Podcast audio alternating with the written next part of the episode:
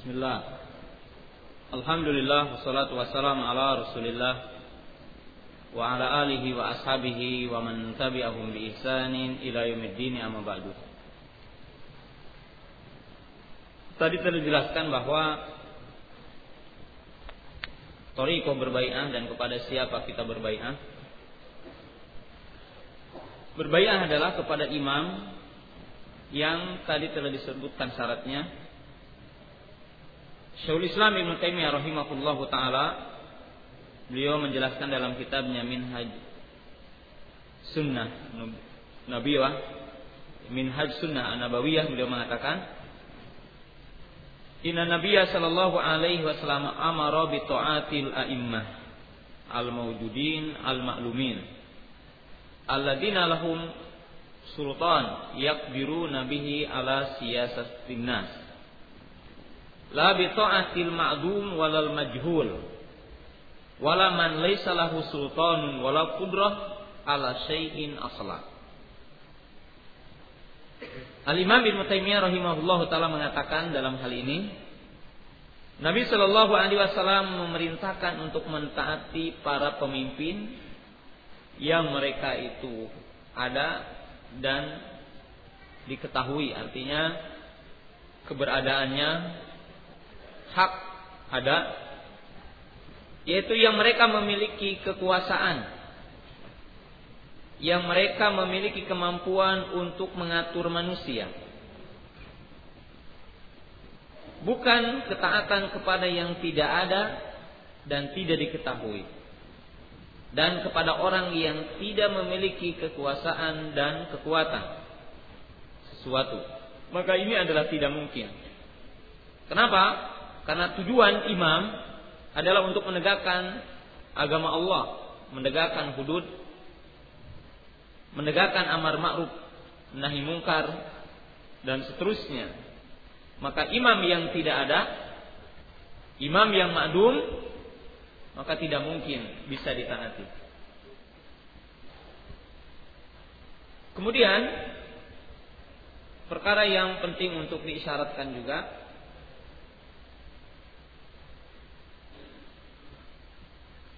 apakah kewajiban taat kepada seorang amir hanya di dalam atau hanya kepada imam a'zam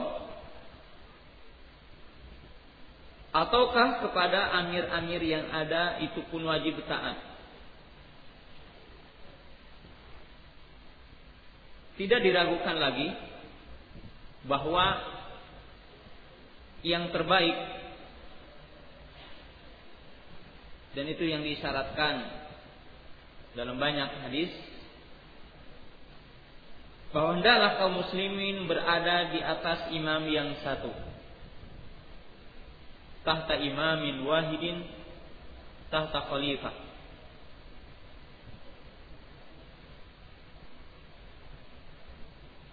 di mana kaum muslimin itu berada di atas imam yang satu di atas khalifah. Tetapi indal udri indal ibtirar ba'da ta'addudil a'immah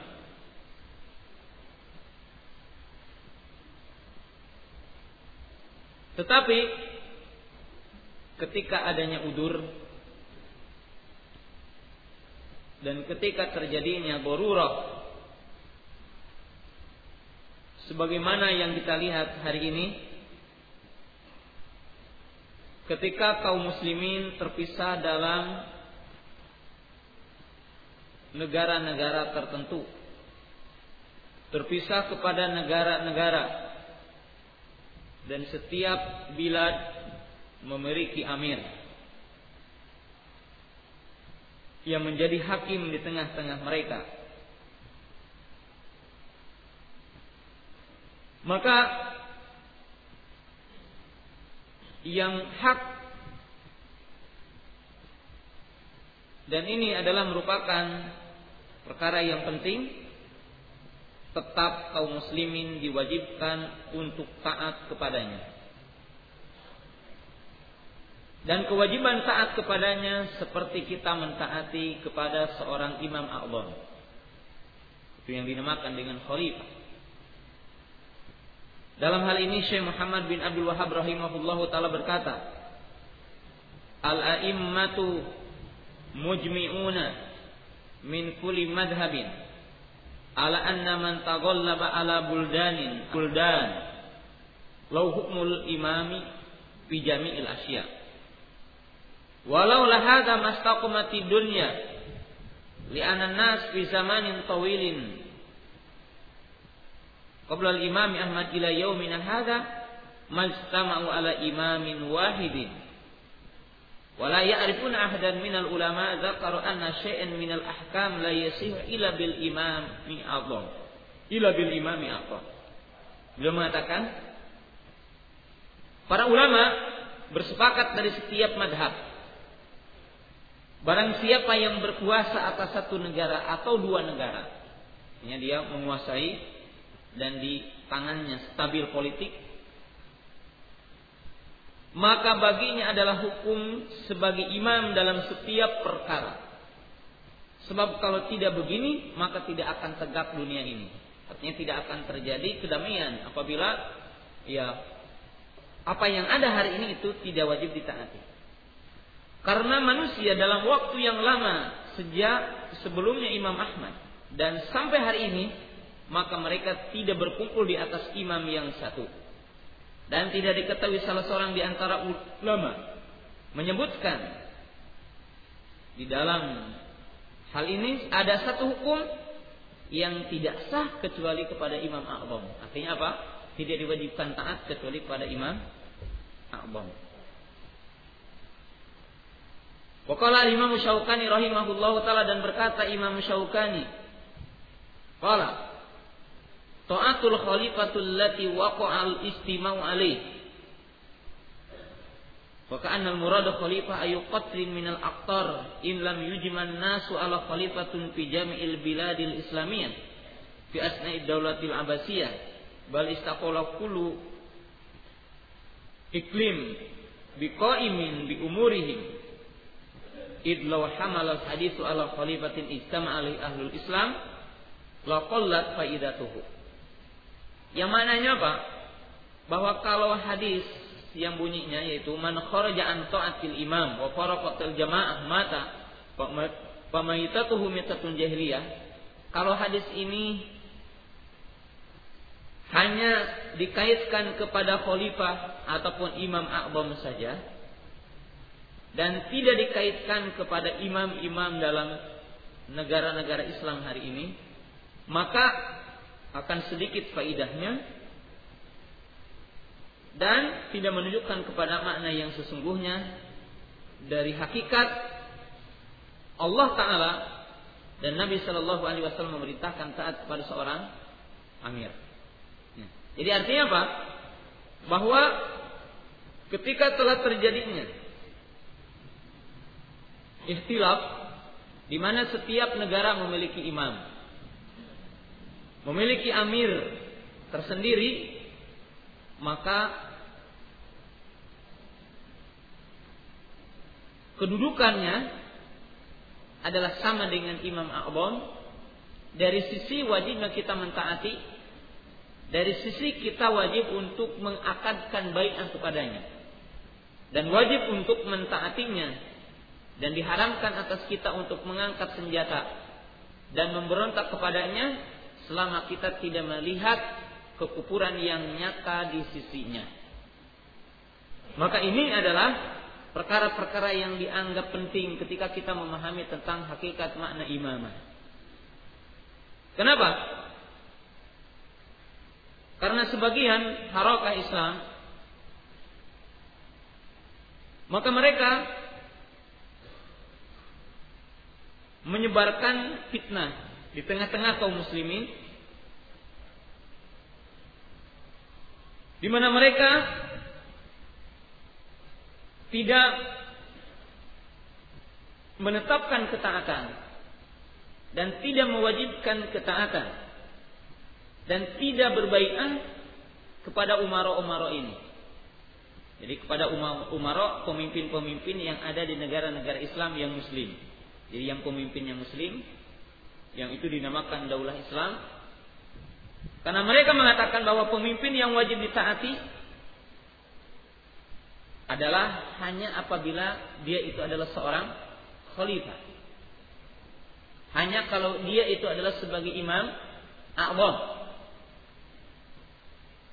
Padahal Nabi Shallallahu Alaihi Wasallam telah menyatakan dalam hadis Yali alaikum umaro di mana Nabi Shallallahu Alaihi Wasallam mengatakan akan datang kepada kalian para pemimpin, artinya banyak. Ya. Kemudian Nabi Shallallahu Alaihi Wasallam mengatakan, ya, Bani Israel mereka dipimpin oleh Nabi. Apabila nabinya mati, maka datanglah Nabi setelahnya.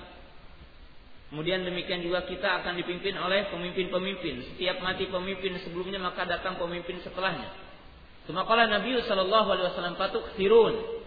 Lalu setelah itu akan datang dan banyak pemimpin-pemimpin. Lalu Nabi Shallallahu Alaihi Wasallam memerintahkan kepada kita untuk mentaatinya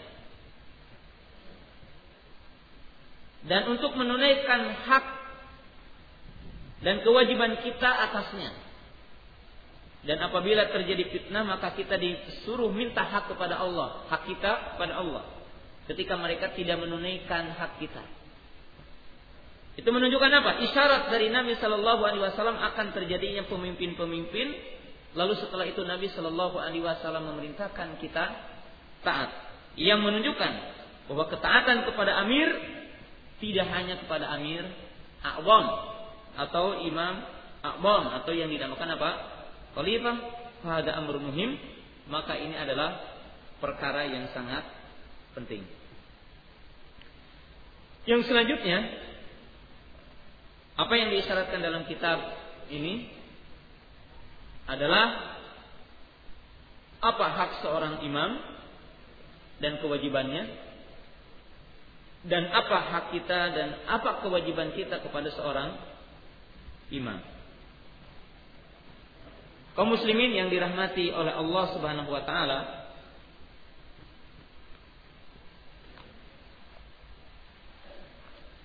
imam ataupun amirul mukminin dia memiliki tugas yang sangat agung. Tugas yang sangat ber. Dengan itu Allah Subhanahu wa taala atau Nabi Shallallahu alaihi wasallam seolah-olah melarang seseorang minta dengan kekuasaan. Seseorang tidak boleh meminta kekuasaan. Seseorang meminta sebuah kedudukan.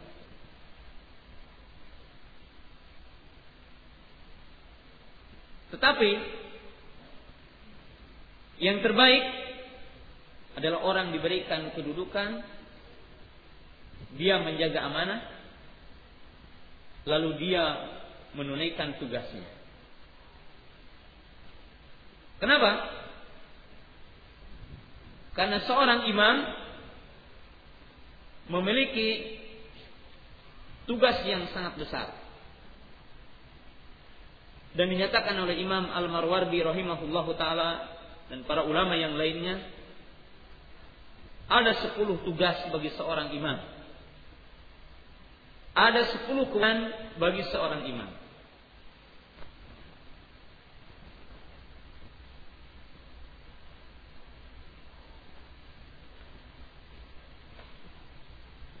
Kewajiban yang pertama adalah himayatu baydatil Islam, himayatud din, himayatu sya'airil Islam.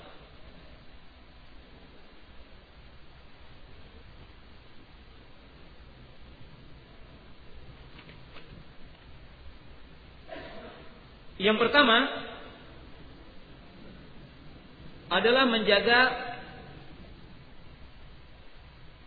kekuatan Islam.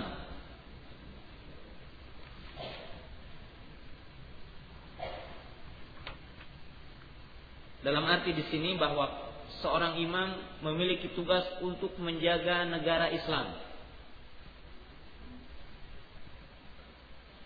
Di mana dia harus mampu menolak setiap rekayasa musuh-musuh Islam.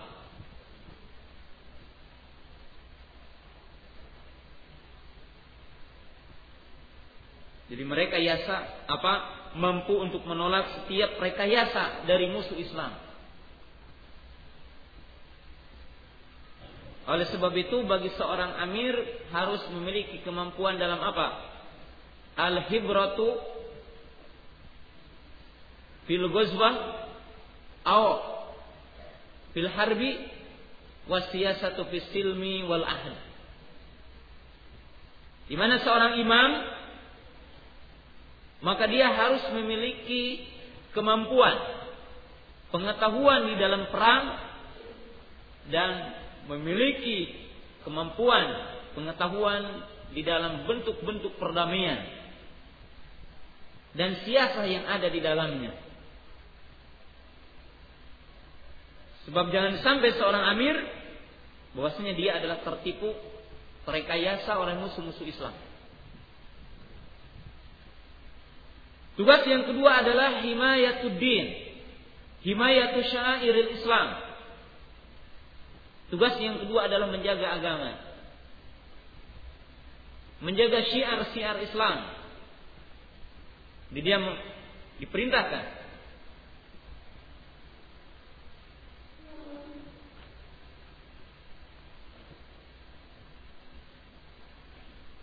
Itu adalah tujuan utamanya.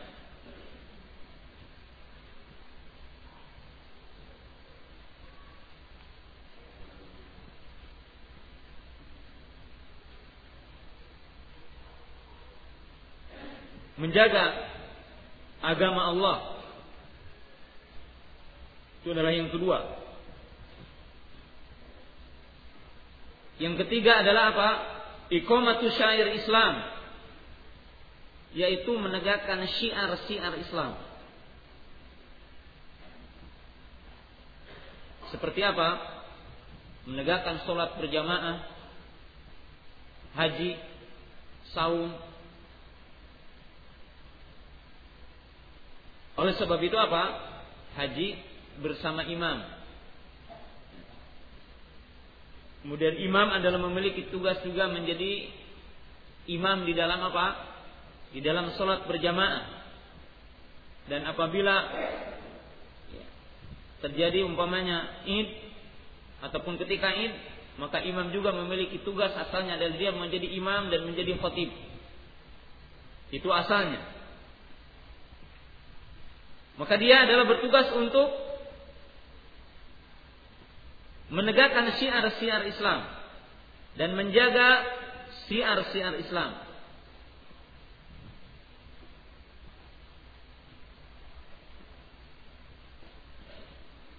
Yang keempat,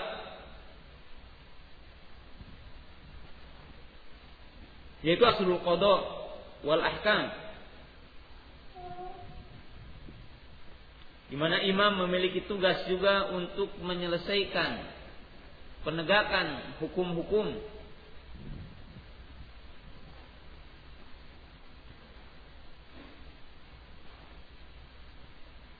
Menolong orang yang dolim memberikan hak kepada orang yang memiliki haknya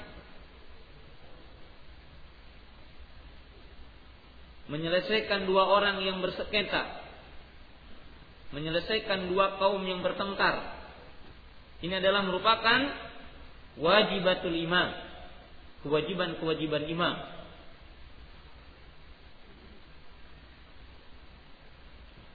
Maka oleh sebab itu imam dia juga harus memiliki kemampuan di dalam masalah kodok. Jadi menyelesaikan apa? Permasalahan memberikan hak kepada yang memiliki hak. Dan dia menolak berbagai bentuk kedoliman. artinya membantah, menolak berbagai bentuk kedoliman, dan memberikan hak kepada yang memiliki hak. Yang kelima, iqamatul jihad. Menegakkan jihad. Yang dimaksud di sini adalah kita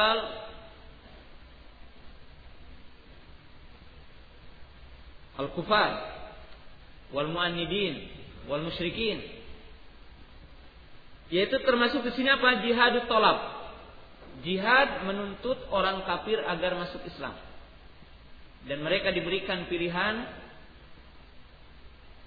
di antara tiga perkara. Al-Islam, atau jizyah, atau kita.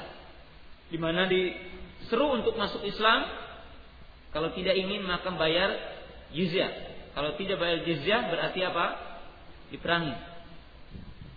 Sehingga para ulama mengatakan paling tidak imam berkewajiban untuk menegakkan jihad setahun satu kali.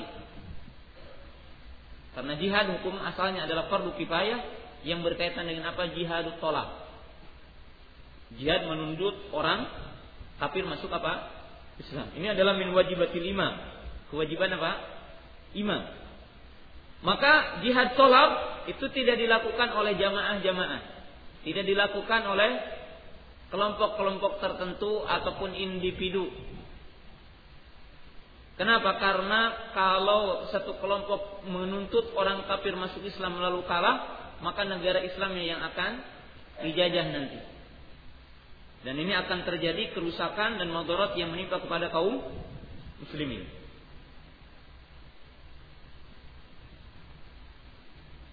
Yang keenam, Iqamatul hudud. Al-murad al-hudud syar'iyyah.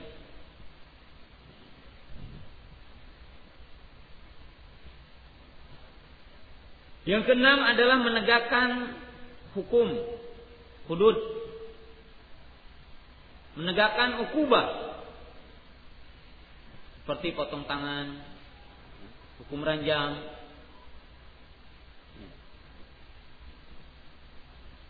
had bagi orang yang minum khamar dan ini tidak bisa dilakukan oleh individu ataupun apa jamaah tertentu. Ini adalah yang keenam.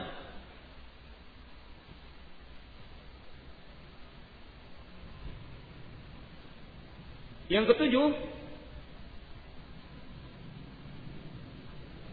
dia memiliki tugas adalah Isa'atul amni wal istiqrar.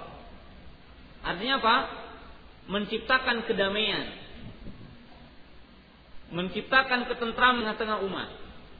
Jadi seorang waliul amr, orang yang diberikan kekuasaan dan yang berkuasa maka dia harus bisa menciptakan keamanan dan kedamaian. Sebab secara pokok kita mengetahui bahwa tidak akan dikan amir yang benar kecuali stabil di tangannya apa? Politik.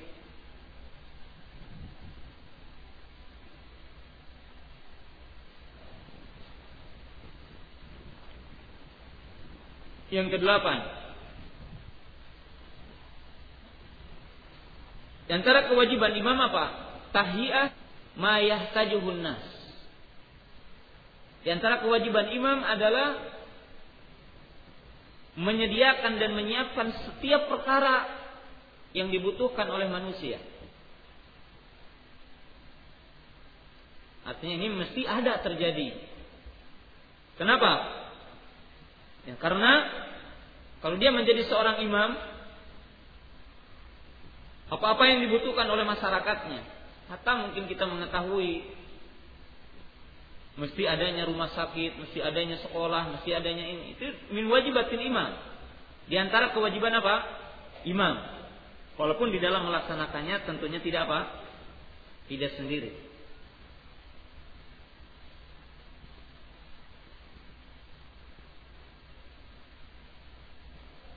Yang kesembilan, di antara kewajiban imam adalah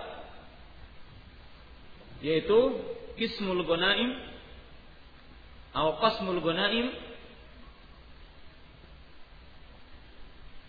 membagikan gonimah atau pay dan yang lainnya.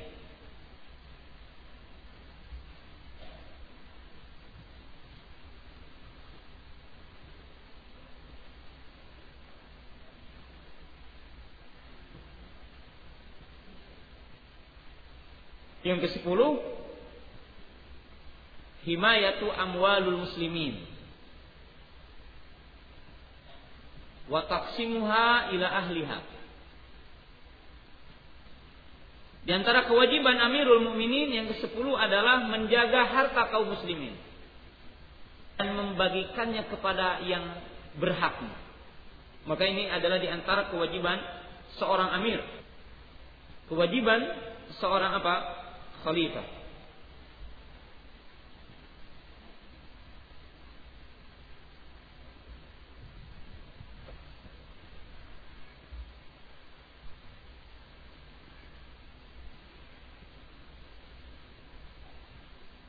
Para talabatul ilmi yang dirahmati oleh Allah Subhanahu wa taala.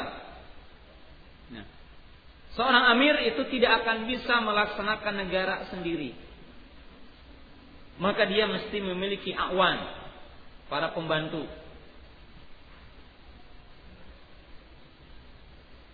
Maka oleh sebab itu para ulama mengatakan al wilayatu nau'an, wilayatul ama, wilayatul khas. Ada kepemimpinan yang umum, ada kepemimpinan yang khusus. Maka seorang amir berhak memilih poin-poin sebagai berikut yang menjadi pembantu baginya. Yang pertama adalah ikhtiyarul wakil fi iklim minal aqalim al-islamiyah. Di mana seorang imam memiliki kekuasaan untuk memilih amir. Apabila terbagi kepada beberapa negara maka setiap daerah diangkat amir oleh Amirul Mukminin. Seorang waliul amr ataupun waliul ahad artinya dinamakan waliul ahad yaitu wali yang dipilih oleh amir dalam setiap tempat yang dibutuhkan dan berdasarkan istihadnya seorang amir. Ya seperti umpamanya sekarang setiap daerah ada amirnya. Kemudian termasuk juga apa? Ikhtiar hali wal akdi. Memilih dewan surau. Dan ini telah dilakukan oleh Abu Bakar As-Siddiq, Umar Ibn Khattab radhiyallahu taala anhu di mana Umar Ibn Khattab radhiyallahu taala anhu dinyatakan dalam Sahih Bukhari dalam kitab At-Tamasuk bil Kitab wa Sunnah beliau menyebutkan di antara kebiasaan Umar setiap akan menyelesaikan masalah maka dia mengajak musyawarah ahlul ilmi.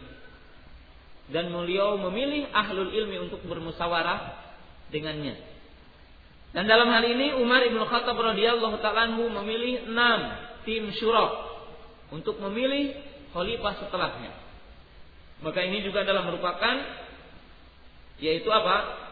kekuasaan ataupun di antara merupakan kebijakan seorang amir dalam sebuah apa? negara. Kemudian di antaranya apa? Memilih yang dinamakan kodi-kodi. Itu kudot. Di mana seorang amir di dalam memilih dan ini yang wajib kita pahami sedikit Bagaimana seorang amir, amirul mukminin memilih para apa? Para pembantunya. Syekhul Islam Ibnu Taimiyah rahimahullahu taala di dalam kitabnya Asyasah Syar'iyah beliau mengatakan bahwa bagi amir dan ini adalah merupakan siasat syariah ya, dia harus memilih orang yang paling bisa menciptakan maslahat. Jadi ikhtiar al-aslah. Orang yang berhak untuk dipilih dalam setiap tugas berkaitan dengan kenegaraan disyaratkan memiliki dua syarat utama. Yaitu apa? Al-qudrah wal quwwah wal amanah. Di mana disyaratkan orang yang akan dipilih dan berhak untuk dipilih menjadi pemimpin perang, menjadi kodi, menjadi amir-amir, ya, atau sekarang mungkin dikatakan gubernur-gubernur, camat-camat dan sejenisnya. Maka ia harus memiliki dua syarat utama. Yang pertama adalah al-qawiyu. Artinya ladaihi kudrah wa istita'ah. Di mana orang itu memiliki kemampuan ya, memiliki profesional, keahlian kepada bidang yang diberikan tugas oleh amir. Yang kedua adalah al-amanah. Yang kedua dia adalah memiliki amanah. Oleh sebab itu Allah Ta'ala mengisahkan tentang Nabi Harun alaihissalam bersama anaknya di mana Allah Ta'ala berfirman inna khairu man istajarta al-qawiyul amin. Di mana Allah Ta'ala menjelaskan ketika mengkisahkan tentang Nabi Musa ketika akan dipekerjakan dan menjadi apa syarat di dalam apa mahar maka Allah Taala mengkisahkan ketika anak Nabi Harun berkata sesungguhnya wahai bapakku yang layak engkau pekerjakan adalah al qawiyu al-amin. Yaitu apa? Orang yang memiliki kekuatan kudrat istitoah. Kemudian yang kedua apa? Al-amin amanah. Sebab Nabi Shallallahu Alaihi Wasallam mengatakan kepada Hudzaifah radhiyallahu taala kepada Hudzaifah radhiyallahu taala innaha amanah. Sungguhnya dia adalah amanah wa innaha yaumul qiyamah nadama. Dia adalah amanah dan bagi orang yang mengambilnya tidak dengan amanah dan tidak dalam kemampuannya, maka dia akan menyesal nanti yaumul qiyamah. Wakala Nabi sallallahu alaihi wasallam illa man aqadaha bihaqqiha. Kecuali orang yang dia itu diberikannya karena dia adalah haknya. Artinya apa? Dia diberikan karena dia ahlinya. Wa adalladzi alaihi fiha dan dia menunaikan apa yang telah diamanahkannya. Maka orang yang menjadi seorang petugas dalam tugas apa saja di dalam kenegaraan khususnya di dalam daulatul Islam dan itu akan menjadi kebaikan bagi negara itu dan akan menjadi kebaikan bagi masyarakatnya maka seorang amir harus memilih orang yang paling aslah. Paling aslah itu apa maksudnya? Orang yang paling akan bisa menciptakan kebaikan kepada masyarakat. Siapa mereka? Al-qawiyul amin. Yaitu apa? Orang yang memiliki kekuatan, orang yang memiliki kudrat. Oleh sebab itu Allah Ta'ala ketika mengkisahkan di dalam surat Al-Baqarah ketika Bani Israel itu apa?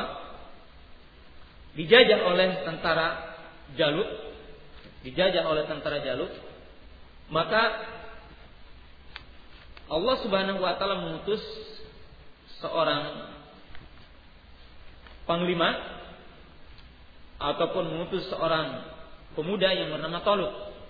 Lalu Allah Taala mengatakan bastatan fil ilmi wa bastatan fil jismi.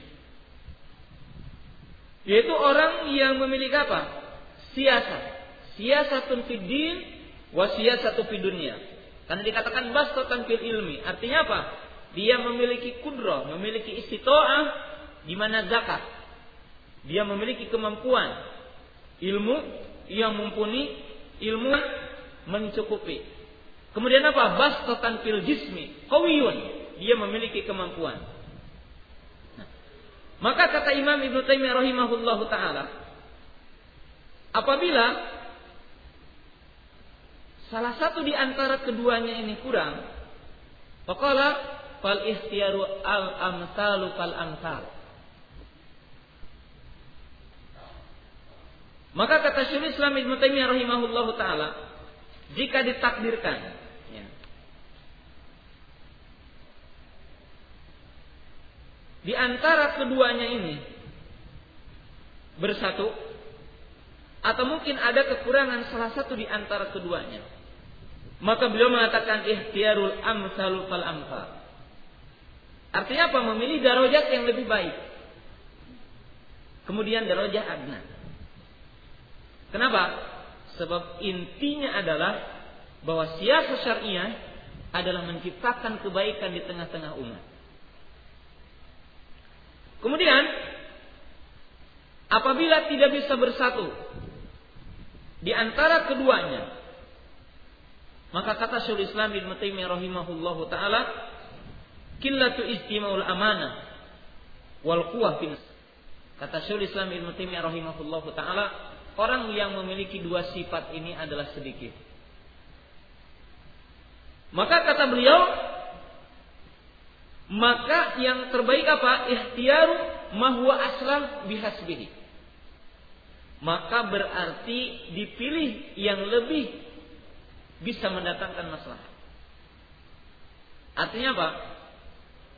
Kalau orang itu diberikan tugas yang berkaitan dengan masalah siasatu dunia, faslu baina, faslul hisam, maka orang yang amanah yang diberikan.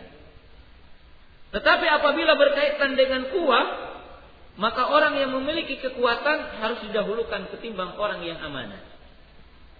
Oleh sebab itu, kaum muslimin yang dirahmati oleh Allah Subhanahu wa taala merupakan satu Rasul kenapa Nabi Shallallahu alaihi wasallam memilih Khalid bin Walid radhiyallahu taala di dalam banyak peperangan, demikian juga Umar, demikian juga Utsman, demikian juga siapa? Abu Bakar As-Siddiq memilih Khalid bin Walid ketimbang para sahabat yang lainnya. Di dalam apa? Peperangan. Kenapa? Karena kedua ataupun Khalid bin Walid memiliki siasah fil harbi di mana beliau memiliki siasah fil harbi walaupun dalam sisi yang lain sampai Nabi Shallallahu alaihi wasallam berdoa kepada Allah taala ya Allah kami berlepas diri dari apa yang dilakukan oleh Khalid bin Walid radhiyallahu taala anhu. Yang dilakukan oleh Khalid bin Abi Walid, Khalid bin Walid radhiyallahu taala anhu. Nah, tetapi kita lihat di zaman Ali bin Abi Thalib radhiyallahu taala anhu, ketika terjadi fitnah yang berkaitan dengan siasatu dunia, maka Ali bin Abi Thalib radhiyallahu taala bersama Muawiyah memilih dua orang yang faqih yaitu siapa? Amr bin As dan Abu Musa Al-As'ari radhiyallahu taala anhu. Maka Syaikhul Islam Ibnu Taimiyah rahimahullahu taala, maka kalau kita melihat kata beliau apa yang dilakukan oleh Nabi Shallallahu alaihi wasallam dan para sahabat, maka di dalam pemilihan tugas-tugas di dalam kenegaraan, maka dipilih al-aslah fal aslah. Poin ini sengaja diketengahkan bukan berarti hanya di dalam masalah iman. Hatta kita di dalam masalah perkara yang kecil. Kita punya sekolah. Kita punya yayasan. Atau apa saja yang di situ adalah adanya yang berkaitan dengan siasat, maka kita tidak boleh sekarang mengangkat umpamanya seorang, maaf ya, ketua yayasan umpamanya Ma Indah Kudroh di Tasusunnah memilih seorang ketua yayasan yang tidak memiliki kemampuan bagaimana mengelola. Dia tidak tahu manajemen, dia tidak tahu fikih dan sebagainya. Bahkan apa? Sekarang menjadi mudir ma'had. Dia menjadi mudir tetapi tidak pernah sekolah. Dia tidak memiliki kemampuan bagaimana mengelola sekolah. Dan dia juga tidak memiliki kemampuan untuk apa? Memahami hakikat dini Islam. Maka tidak boleh. Maka apa? Tidak boleh. Artinya apa?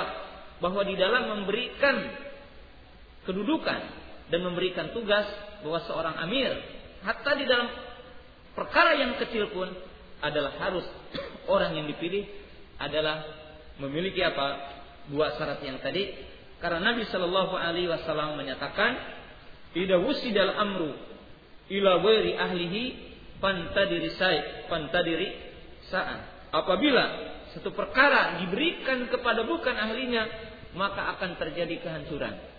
Maka ihwat iman rahimakumullah oleh sebab itu para ulama mengatakan bahwa asalnya seseorang tidak boleh meminta kekuasaan. Tetapi Para ulama memberikan istisna sebagiannya. Apabila ada orang yang apa diberikan kekuasaan tetapi bukan ahlinya dan dia melihat kemadorotan akan terjadi di tengah-tengah kaum muslimin dan dia memiliki kemampuan untuk hal itu maka tidak mengapa dia menawarkan dirinya li ajli maslahatin nas. Jadi artinya menawarkan diri demi untuk terjadinya apa? kemaslahatan apa?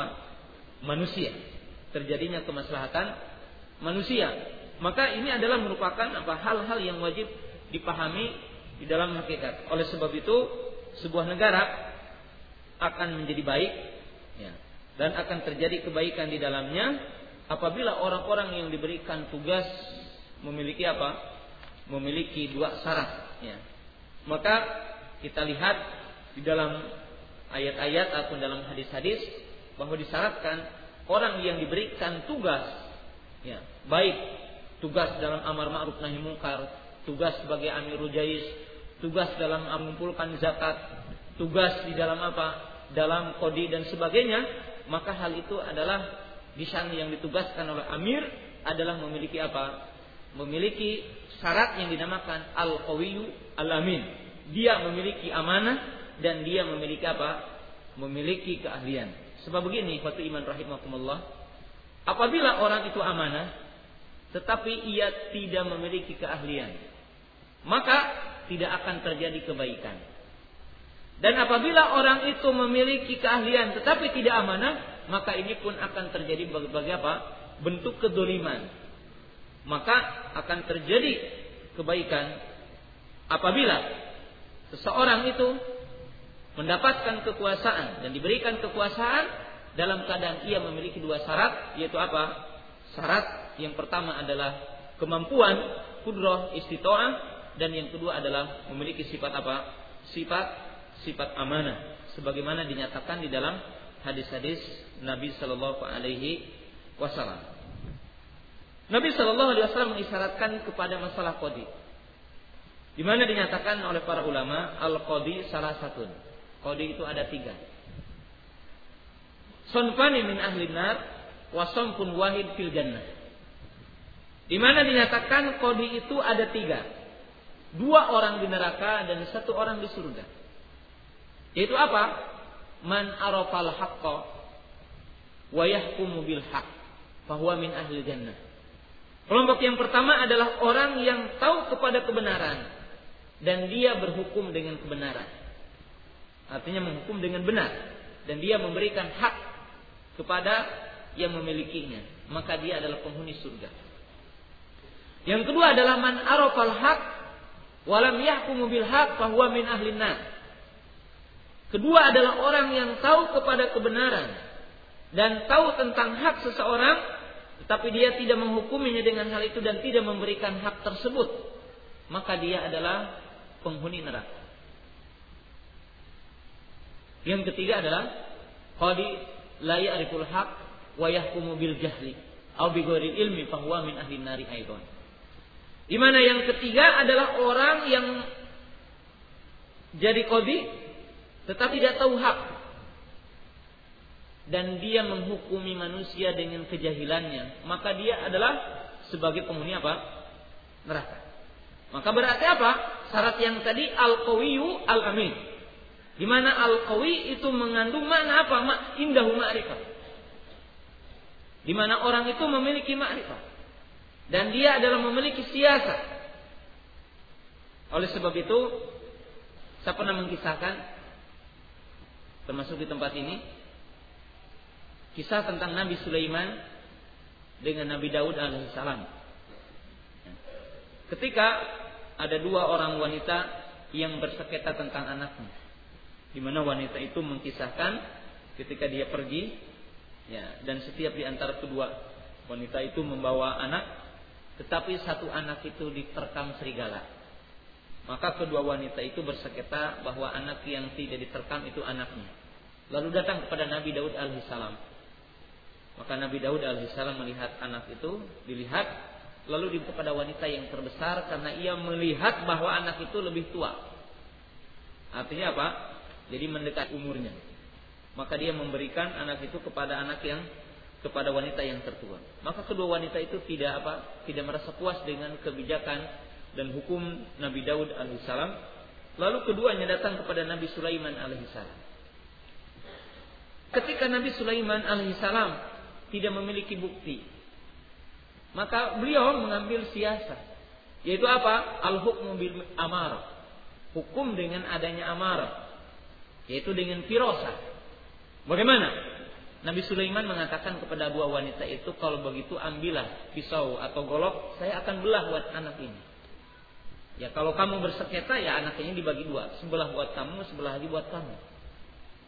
Maka wanita yang terkecil, yang umurnya lebih muda menangis dan dia mengatakan, jangan kau lakukan, berikan kepada dia. Maka Nabi Sulaiman mengetahui bahwa anak ini adalah milik wanita yang muda. Kenapa? Sebab orang tua yang hakiki tidak mungkin dia ridho anaknya dibunuh. Lebih baik hidup walaupun ada di tangan orang. Maka ini apa? Al-hukmu bi amaru bil. Jadi adanya amarah, adanya alamat-alamat. Ya, artinya apa? Seorang kodi harus memiliki kudroh dan memiliki siasat syar'iyah dan memiliki kedaka, artinya apa? kejelian, kepintaran. Dan saya juga pernah mengkisahkan tentang apa? seorang kodi ya zaman dulu di mana dikisahkan ada orang maaf yang mencuri tempat menanak nasi tetapi pencurinya tidak memiliki tangan. Artinya kedua tangannya apa? Terputus. Lalu ketika dihadapkan ke kodi dan ditanya oleh kodi benarkah kamu mendi barang ini? Kata dia wahai kodi bagaimana aku mencuri tangan apa barang ini sedangkan aku tidak memiliki tangan bagaimana aku mengangkat barang ini dan tidak ada bayinan, tapi si kodi datang. Artinya di sisinya biasa. Maka dia berkata, kalau begitu saya akan hadiahkan barang ini pada kamu, silahkan kamu bawa. Lalu si pencuri ini membawa dengan kepalanya dan dimasukkan. Dia berjalan, maka kata kodi demikianlah kamu mencurinya. Apa? Dia itu akhirnya apa? Akhirnya mengaku, ya demikianlah aku mencuri. Artinya di sini apa? Siasat. Bahwa apa? Bahwa betul bahwasanya apa? Seorang amir, seorang kodi, dia mesti apa? Al-qawi. Qawi bin nadar. Qawi di dalam apa? Di dalam pandangannya, qawi di dalam pertimbangannya dan sebagainya. Bukan orang yang apa? Bukan orang yang goib. Walaupun takwa tapi tidak punya kemampuan. Nabi SAW mengatakan kepada apa? Abu Dar, aku melihat bahwasanya engkau adalah orang apa? Lemah maka janganlah kamu meminta. Jadi ini apa? Syaratnya.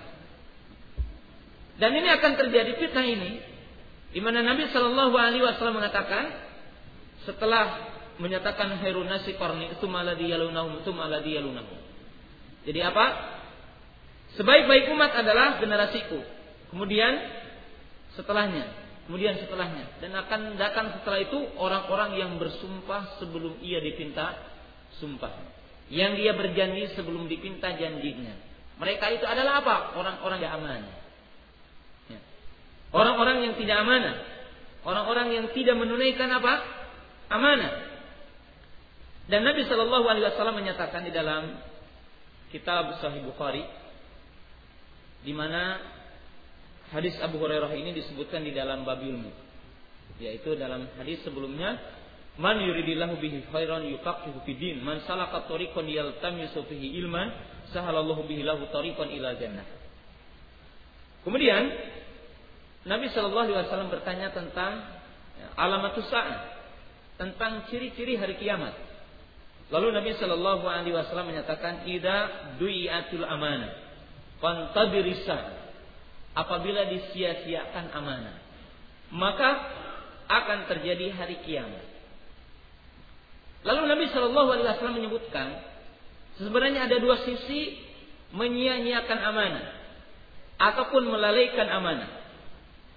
Melalaikan amanah dan amanah ini menjadi tidak tegak dan tidak terjaga oleh dua sebab. Yang pertama, ketika sebuah amanah diberikan kepada bukan ahlinya. Artinya apa? Kalau orang diberikan tugas satu perkara, dia bukan ahlinya, maka akan terjadi kehancuran. Yang kedua ahli tetapi dia tidak amanah, maka ini juga akan terjadi apa? Kehancuran. Maka lihat kepada hadis yang pertama, di mana Nabi Shallallahu Alaihi Wasallam menyatakan kepada Bidar, ilaman akhodaha bihakkiha. Kata Nabi Shallallahu Alaihi Wasallam, kecuali barang siapa yang mengambil kekuasaan itu, ia mengambil tugas itu karena dia adalah haknya. Karena dia adalah memiliki kemampuan dan dia adalah berhak untuk memegangnya. Dan apabila orang mengambil sebuah tugas, mengambil sebuah perkara, dia bukan ahlinya, maka dia adalah telah menyia-nyiakan amanah. Dan dia telah merusak amanah. Yang kedua, apabila dia memiliki kemampuan, lalu diberikan oleh orang yang memberikan amanah kepadanya, dia tidak menunaikan amanah, maka dia juga adalah termasuk orang yang menyia-nyiakan amanah. Dan dengan dua sebab ini, kata Nabi Shallallahu Alaihi Wasallam mengatakan, "Ida wusidal amru bila ahlihi pantadi risa'a." Artinya apa? Akan terjadi gejolak, akan terjadi ketidakdamaian, kerusakan-kerusakan yang akan menimpa kepada umat ini apabila apa? Satu perkara telah diserahkan kepada bukan ahlinya. Jadi apabila satu perkara diserahkan kepada bukan ahlinya. Dan Imam Ibnu Fajar rahimahullahu taala kemudian yang lainnya mengatakan di sini bahwa kebaikan yang ada dalam satu kaum kemudian sesuatu itu ataupun apa kebaikan akan tercipta dalam satu kaum dan akan tersebar dalam satu kaum yaitu apabila ahlul khairnya adalah apa? Banyak. Jadi artinya orang-orang yang baiknya adalah apa? Banyak. Maka setiap bergeser ahlul khairnya artinya orang-orang yang memiliki sifat baik itu adalah semakin bergeser maka sederajat itu akan terjadi gejolak dan berbagai bentuk ketidakdamaian ataupun terciptanya yang dinamakan apa? fitnah. Dan dalam hal ini Imam Ali bin Abi Thalib radhiyallahu taala berkata kepada orang-orang Khawarij. Karena dinyatakan apa? Akan dipimpin kamu sebagaimana kamu berada. Di mana Nabi Shallallahu Alaihi Wasallam mengatakan akan memimpin kamu orang-orang yang seperti kamu. Ali bin Abi Thalib radhiyallahu taala pernah ditanya oleh orang-orang Khawarij, "Wahai Amirul Mukminin, dulu ketika Abu Bakar As-Siddiq menjadi amir, menjadi imam, tidak terjadi berbagai gejolak fitnah. Kenapa ketika engkau menjadi amir maka terjadi seperti ini? Maka beliau mengatakan bahwa yang menyebabkan Allah Ta'ala memilih Abu Bakar karena yang menjadi rakyatnya adalah aku. Dalam arti apa? Ketika yang menjadi rakyatnya adalah orang-orang baik, maka Allah Ta'ala memilihkan pemimpinnya adalah pemimpin yang baik. Dan ketika terjadi apa? Terjadi pergeseran yang berkaitan dengan masalah keimanan dan ketakwaan yang ada pada sebuah kaum, maka Allah Ta'ala pun menguasakan kepada mereka yang seperti mereka. Oleh sebab itu kata Ali bin Abi Thalib radhiyallahu taala Adapun ketika aku memimpin, maka kamu rakyatnya. Seperti kamu ini. Maka oleh sebab itu ihwati iman rahimakumullah, para ulama di sunnah mereka mengatakan al-ihtimamu bi islahi ra'iyah aula min ihtimam lahi ra'i. Aw al ihtimam bi isla'i ra'iyah muqaddamun alal ihtimami bi isla'i ra'i.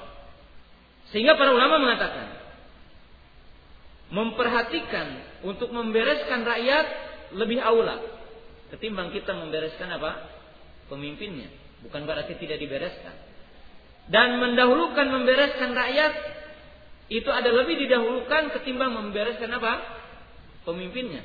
Sebab telah dinyatakan dalam hadis yang dihasankan oleh para ulama bahwa kalian akan dipimpin oleh orang-orang yang seperti kalian. Artinya apa? Kalian akan dipimpin sebagaimana kalian. Artinya apa? Pemimpin yang memiliki sifat-sifat seperti kalian. Maka sering kita dengar bahwa gambaran masyarakat imam kita adalah gambaran apa? Masyarakat kita. Nah ini adalah poin yang sangat penting. Poin yang terakhir, ikhwati iman rahimakumullah, apabila kita memahami tentang kewajiban pemimpin, maka kita harus memahami tentang kewajiban kita atas pemimpin kita. Para ulama juga mengatakan ada sepuluh kewajiban kita terhadap pemimpin kita. Jadi ada sepuluh kewajiban kita terhadap pemimpin kita.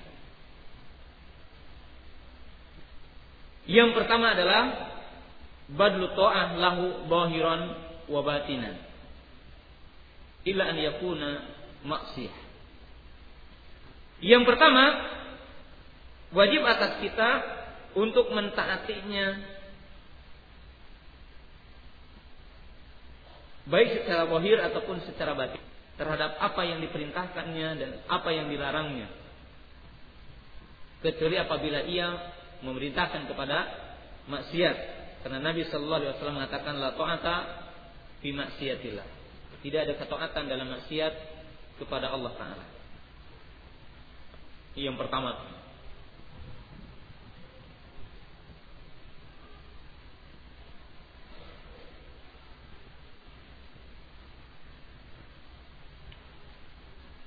Yang kedua,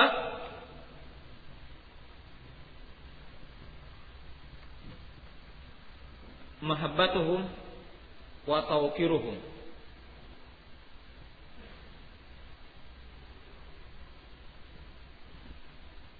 Mencintai mereka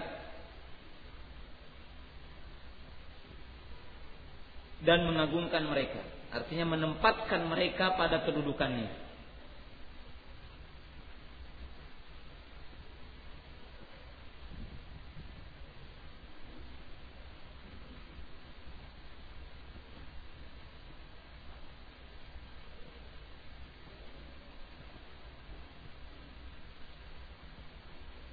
Sebab Nabi Shallallahu Alaihi Wasallam telah menyatakan senantiasa umat ini akan berada dalam kebaikan selama mereka adalah menghormati pembesar-pembesar mereka termasuk amir ataupun ulama.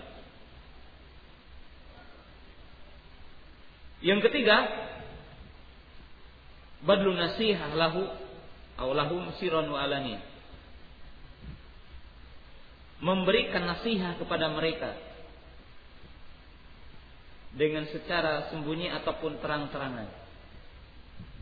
Artinya terang-terangan bukan berarti di atas mimbar, tetapi kita mendatangi di depannya. Adapun secara sir, para ulama menyebutkan seperti dengan murosalah, dengan menulis apa risalah kepadanya. Tetapi bukan berarti di atas mimbar dan menyebut-nyebut kesalahannya, bukan.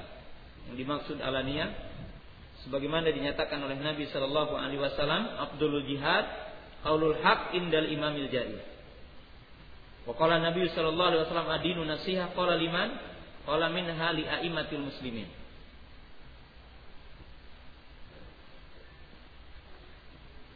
Yang ketiga keempat yang keempat nusratuhum. Membela Artinya membela mereka di dalam menegakkan agama ini, dalam menjaga agama ini, dalam menegakkan syiar-syiar Islam.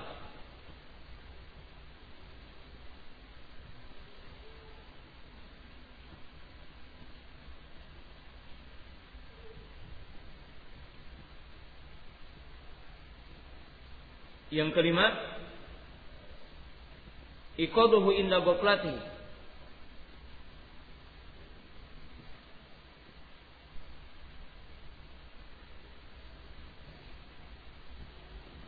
Mengingatkan ketika ia lalai. Dan mengingatkan ketika ia salah termasuk. Kenapa? Karena mengingatkan ia dari kesalahannya adalah hifdhun lidin wa hifdhun lil muslimin. Karena mengingat orang amir dari kesalahan adalah menjaga agama Allah dan menjaga kaum muslimin.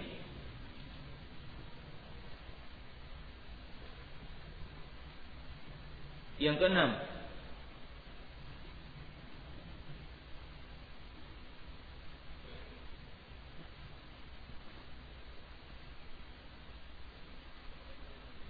Adubu anhu bil qawli wal fi'li wal mali wal nafsi. Artinya apa? Berjalan bersamanya, membelanya.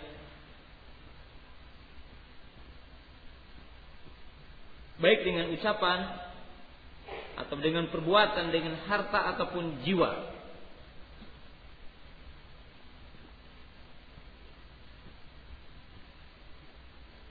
sebagaimana para sahabat bersama Abu Bakar, bersama Umar.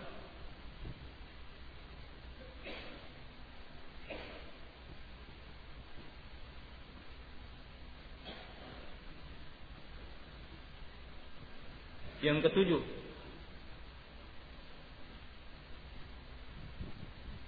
ad-du'a lahu bil islahi wal khair. Yani bis salahi wal khair. Mendoakannya dengan kebaikan. Dan mendoakan kepada kebaikan. Sehingga Imam Hasan Basri mengatakan kalaulah bagiku ada doa yang mustajab maka aku akan berdoa kepada para amir karena kita mengetahui kebaikan amir adalah kebaikan untuk masyarakat Syekh Ibnu Utsaimin rahimahullahu taala mengatakan ada sebagian orang yang menyangka amir-amir yang ada hari ini tidak hak untuk didoakan. Seperti jamaatul takfir, jamaatul jihad. Hum yaquluna bidzalik. Seperti orang yang menamakan jamaatul takfir ataupun jamaatul jihad. Padahal ihwat iman kaum muslimin yang dirahmati oleh Allah taala Kewajiban kita adalah mendoakan mereka.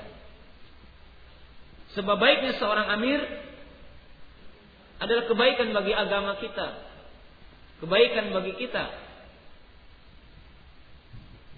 Maka para ulama salafus soleh mengatakan, kalau kami punya doa yang mustajab, maka kami akan khususkan doaku ini bagi para amir.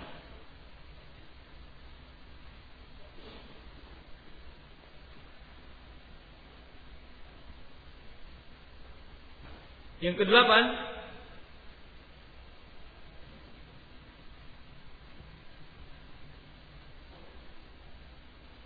termasuk kewajiban kita adalah radul qulub al munafira anhu ilaihi.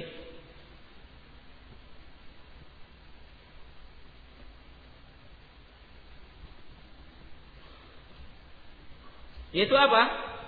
termasuk kita membantah dan memperingatkan orang-orang yang memiliki kebencian kepada Amir. Kita membela dengan ucapan, memberikan penjelasan.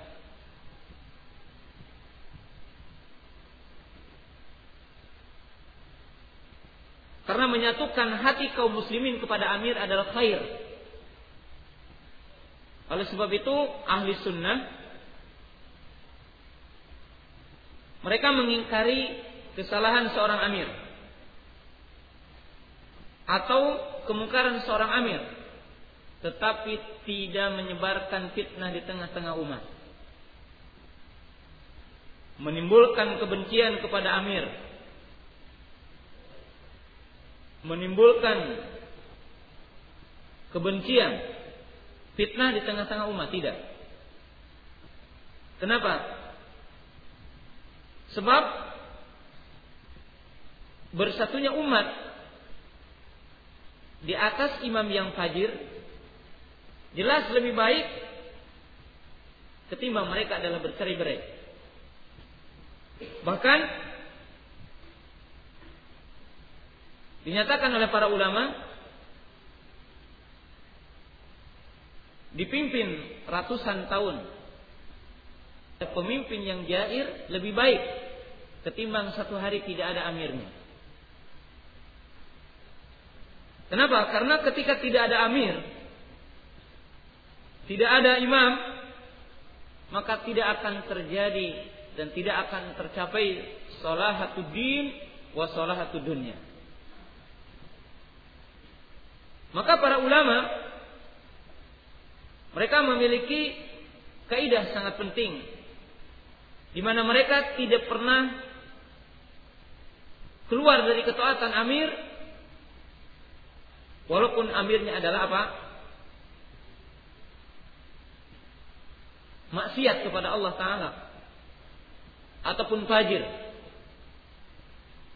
selama mereka kafir selama mereka adalah maaf selama mereka adalah muslim belum sampai kepada derajat kafir maka kita wajib untuk taat kepadanya dan tidak boleh kita untuk memberontak kepadanya. Bahkan para sahabat mengatakan, apakah kami harus memberontaknya jika mereka telah mengambil harta kami dan telah memukul kami dan telah mendolimi kami? Maka Nabi Shallallahu Alaihi Wasallam lah, tidak boleh. Selama mereka menegakkan sholat, selama mereka menampakkan dinul Islam, maka kamu jangan memeranginya. Dan ini kaidah yang sangat penting di dalam agama ini. Oleh sebab itu para ulama mengatakan kalau tadi ada syarat menjadi seorang imam, kapan seorang imam itu bisa dijatuhkan dari keimamahannya? Artinya bisa dicopot dari keimamahannya. Maka para ulama mengatakan apabila jatuh syarat-syarat yang tadi yang disebutkan 10 kecuali satu yaitu tentang adalah tentang apa? Tentang adalah. Karena ahli sunnah apabila seorang imam telah menjadi imam, apabila seorang telah menjadi imam lalu nampak pada orang itu fiskun maka tidak menjadikan satu jalan untuk mencopot dia dari imamat. Beda dengan keyakinan orang Mu'tazilah ataupun keyakinan orang apa? Khawarij. Karena orang-orang Khawarij mensyaratkan imam itu harus apa? Maksum. Ya harus maksum. Tapi ahli sunnah meyakini bahwa imam yang apa? Yang fajir tidak bisa menjadi satu jalan dia untuk apa? Dicopot dari apa? Dari kekuasaannya. Jadi dari dari kekuasaan. Maka kaum muslimin diperintahkan untuk taat dan wajib untuk mentaatinya. Tidak boleh kita untuk mengajak orang memberontaknya. Tidak boleh kita mengajak orang untuk mengadakan pemberontakan kepada seorang imam selama belum nampak kekafiran padanya. Dan tentunya yang menghukumi kafir adalah alul hali wal akdi, bukan jamaah-jamaah tertentu. Tetapi yang berhak adalah alul hali wal abdi, al mustahidun, al ulama ar rasihun. Nah, dan para ulama mengatakan masalah kapan kita boleh untuk memberontak dan kapan kita boleh untuk mencopot dari keimaman. Maka para ulama mengatakan ada dua syarat utama. Syarat yang pertama antara kufron bawah Artinya apa? Kamu melihat kekufuran yang nyata. Ini syarat yang pertama. Syarat yang kedua adalah ladil muslimin kudroh. Di sisi kaum muslimin ada kemampuan untuk mencopotnya dan untuk apa? Memberontaknya. Syekh rahimahullahu taala dan saya kira ini disebutkan juga oleh para ulama yang lain Kapan diperbolehkan kita untuk memberontak? Kepada seorang amir. Maka secara umum syaratnya ada dua. Syarat yang pertama antaru kufron bawah wafi kabarohin awafi kumbarohin. Artinya kita melihat kekufuran yang nyata dan kita punya argumentasi dalil tentang kekufurannya. Artinya apa? Tentunya, tentunya dengan syarat-syarat takfir yaitu apa? Istopati surut, wantika umawani, berkumpulnya syarat untuk dikafirkan, tidak ada penghalang-penghalang untuk tidak dikafirkan dan yang menghukuminya siapa? Al ulama, al mustahidun, al rasihun. Mereka adalah al hali wal akli. Dan apabila di kaum muslimin ada kekuatan dan disyaratkan kekuatannya ini ada tiga. Yang pertama ladail muslimin kudroh. Di sisi kaum muslimin ada kekuatan. Yang kedua, antakuna kudroh mustaqilah. Hendaklah kudrohnya itu mustaqilah. Laisa saytarah min adail Islam. Di mana kekuatan yang dimiliki oleh kaum muslimin adalah kekuatan yang mustaqilah, kekuatan yang menyendiri. Bukan rekayasa dari luar. Sebab kalau rekayasa dari luar setelah kita berkuasa maka datang orang-orang kafir Lalu setelah itu jadi dikuasai seluruh kaum muslimin sehingga kita tidak bisa apa-apa terhadap negara tersebut. Ya. Kemudian syarat yang ketiga alayakuna bainal muslimin daur. Artinya apa? Tidak boleh terjadi di antara kaum muslimin peperangan. Sabku dima'il muslimin. Jadi sabku dima'il muslimin. Artinya apa? Kalau kita memberontak maka kita akan berperang dengan saudara kita sendiri. Kenapa? Sebab imam memiliki kudroh dan memiliki sultan untuk mengerahkan manusia, mengerahkan kaum muslimin. Sebagian orang kaum muslimin. Maka apabila tidak tercukupi tiga syarat ini, fa'alal muslimi as-sabru sabru.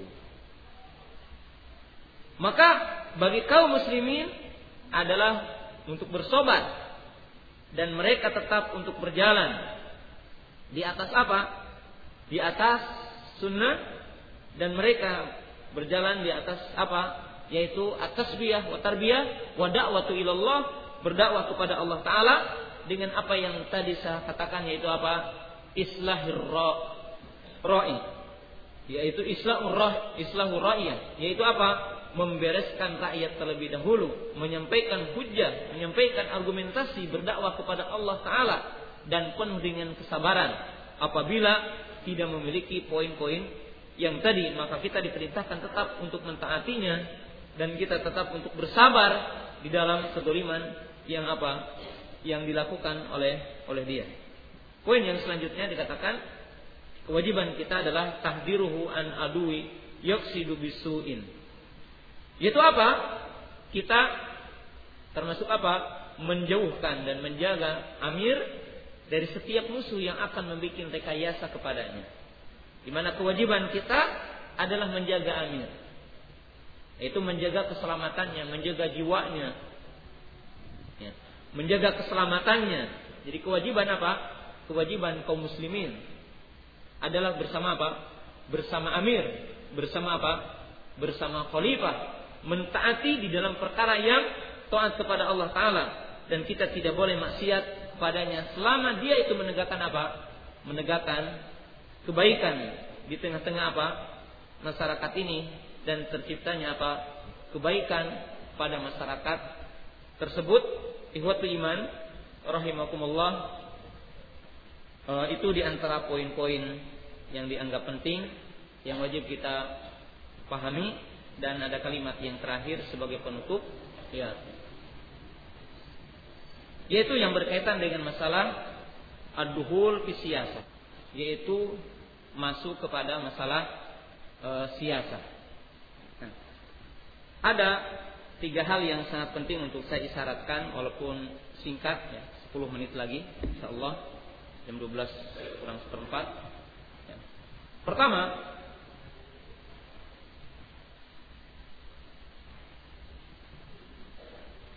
Para ulama telah menjelaskan yang dimaksud dengan siasa maka wajib kita mengidopatkannya dengan asiasa syariah. Di mana yang dimaksud dengan siasa syariah secara umum adalah tasusun nas bi ahkamillah. Yaitu mengurus manusia dengan hukum Allah taala atau yang tadi dikatakan dengan setiap perkara yang menciptakan maslahat bagi manusia dalam perkara dunianya dan akhiratnya yang di atas kaidah-kaidah apa? Syar'i. Syekh Masur Hasan Hafizahullah Ta'ala mengatakan ya, Ahli sunnah Tidak mengingkari Inna fid dini siyasa Lakin nahnu al yawm nunkiru anna fi siyasatid din Kita mengatakan apa? Bahwa kita tidak mengingkari bahwa dalam agama kita ada siasat Bahkan juz'un min dinina. Dia adalah merupakan bagian dari agama kita. Tetapi kalau kita hari ini melihat apa yang dimaksud dan apa yang dinamakan di tengah-tengah kaum muslimin dan apa-apa yang banyak disebutkan di tengah para pergerakan yang dinamakan dengan siasat maka kita mengatakan nahnu nunkiru anna Artinya apa? Kalau dalam agama kita ada siasa benar. Tetapi kita mengingkari bahwa dalam siasa itu ada agama. Kenapa ihwati iman rahimakumullah? Karena golibnya apa? Siasatul yaum yaitu apa? Li ajli dunia, li ajli manjilah faqat, li ajli man, li adli tauqiru ahad. Wa nasihat karena siasa yang ada hari ini hanyalah berkaitan dengan dunia. Karena siasa yang berkaitan dengan hari ini adalah yang berkaitan dengan kedudukan. Maka siasa yang ada hari ini adalah bagaimana mengangkat seseorang dan bagaimana menjatuhkan seseorang. Idza kana fika ma'ahad syai' fanahnu ma'ah. Di mana hari ini mengatakan yang dimaksud dengan siasat apabila kamu punya sesuatu bersama saya, maka saya akan bersama kamu. Maka ini yang dimaksud dengan siasat hari ini. Dan siasat hari ini mustanaduhal aklu, walaysa mustanaduha naklu. Oleh sebab itu kita melihat bahwa siasat hari ini sumbernya adalah akal bukan nakal. Oleh sebab itu masih ruha tadlil. Wa masih ruha takfir syariatul Islam.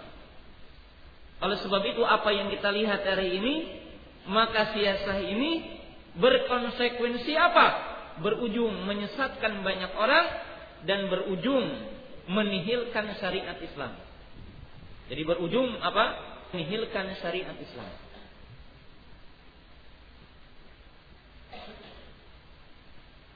Maka yang benar apa?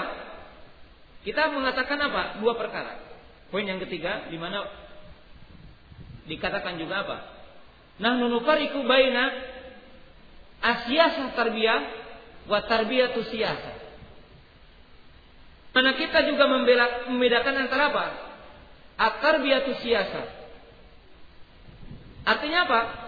Bahwa mesti siasah ini berada di dalam kaidah syar'i dibangun di atas kaidah syar'i dengan punya tujuan liiqamati syariatillah maka ini dinamakan siasatul adilah tetapi sekarang tarbiyatun nasi bi siyasah al yaum hada ghairu jaiz. Hada ghairu mumkin. Hada batil.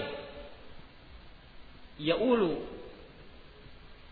ila tadlil wa yaulu ila ta'til syariatil Islam. Adapun apabila yang dimaksud mengajarkan kepada kaum muslimin siasatul yaum di mana para pemuda, para talabatul ilmi diseru untuk apa? Untuk mempelajari siasatul yaum. Siasa hari ini dalam arti poin yang tadi dengan tujuan apa? menjadikan seseorang berkuasa, menjatuhkan seseorang dari kekuasaannya demi kekuasaan, demi mengambil harta. Maka kalau ini yang dimaksud, maka as-salafiyun bayu an. Maka salafi adalah berlepas diri dari siasat ini. Karena ini adalah bukan siasat syar'i. Tetapi kalau yang dimaksud adalah satu tarbiyah dalam arti apa? Di mana salafiyun ahli sunnah memiliki siasat liiqamati dinil Islam. Liiqamati syariatil Islam.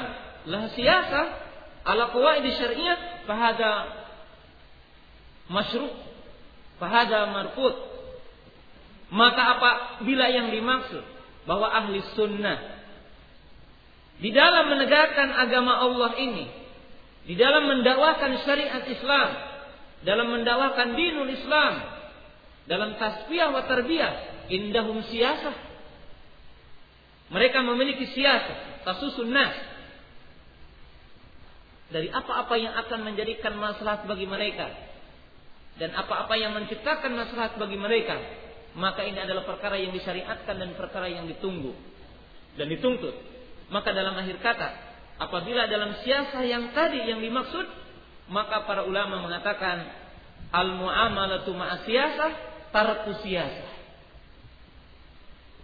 Artinya apa? Kalau orang betul-betul akan muamalah dengan siasat, maka mesti meninggalkan siasatul yaum.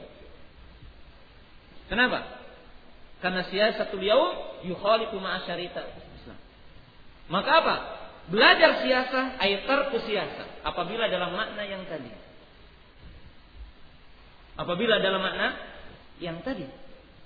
Maka ini adalah juga perkara yang penting yang wajib dipahami Allah alam oleh salafiyun ya.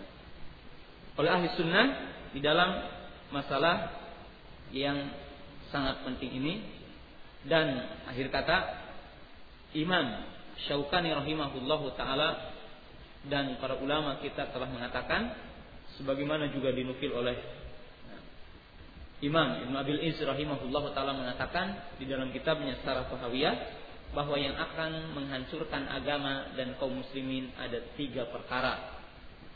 Salah satunya apa? Yaitu al-hakimul jair, yaitu para pemimpin, para hakim yang jair yang yuqaddimu siyasah ala syariah. Yang mereka itu akan mendahulukan siasah kepada apa? Syariat. Apabila perkara-perkara itu bertentangan dengan kebutuhannya, bertentangan dengan apa-apa yang menjadi keinginannya, bertentangan dengan kedudukannya, akan menggoncang kedudukannya, akan menggoncang hartanya, maka dia mendahulukan siasat daripada apa? Daripada syariat dan dikatakan oleh Imam Ibnu Abil Is adapun yang kedua adalah yaitu apa? Yaitu manusia ilahil ilmi wahwa yatma'ul hawa. Orang yang dinisbatkan kepadanya ilmu tetapi dia mengikuti hawa nafsu yang ini akan bisa mereka yasa banyak orang. Dan yang ketiga kata beliau adalah apa? Yaitu al-ubadul jahil adalah orang-orang yang sungguh-sungguh dalam beribadah tetapi dalam kebodohan kepada Allah taala kebodohan kepada syariat Allah Ta'ala, maka kaum muslimin yang dirahmati oleh Allah Ta'ala, apabila berkumpul dalam sebuah masyarakat, dalam sebuah negara, berkumpul, maka akan terjadi kerusakan di dalamnya. Maka kalimat yang terakhir tadi dikatakan, bahwa apa? Dakwah salafiyah, dakwah ahli sunnah adalah ihtimam bi islahi ra'iyah qabla ra'i. Yaitu apa? Memperhatikan membereskan masyarakat sebelum membereskan pemimpinnya tetapi bukan berarti ahli sunnah salafiyun tidak memberikan nasihat kepada para pemimpinnya tetapi kita melihat bahwa tidak akan terjadi pemimpin yang baik yang memiliki persyaratan-persyaratan yang tadi kecuali kita mengadakan tasbih wa tarbiyah yaitu ala abna'il muslimin kepada para pemuda dan kepada kaum muslimin. Barangkali itu yang saya bisa sampaikan dalam kesempatan yang singkat ini berkaitan dengan masalah e, Kitabul Imarah dan saya dalam kitab Muslim ini hanya membahas judulnya saja.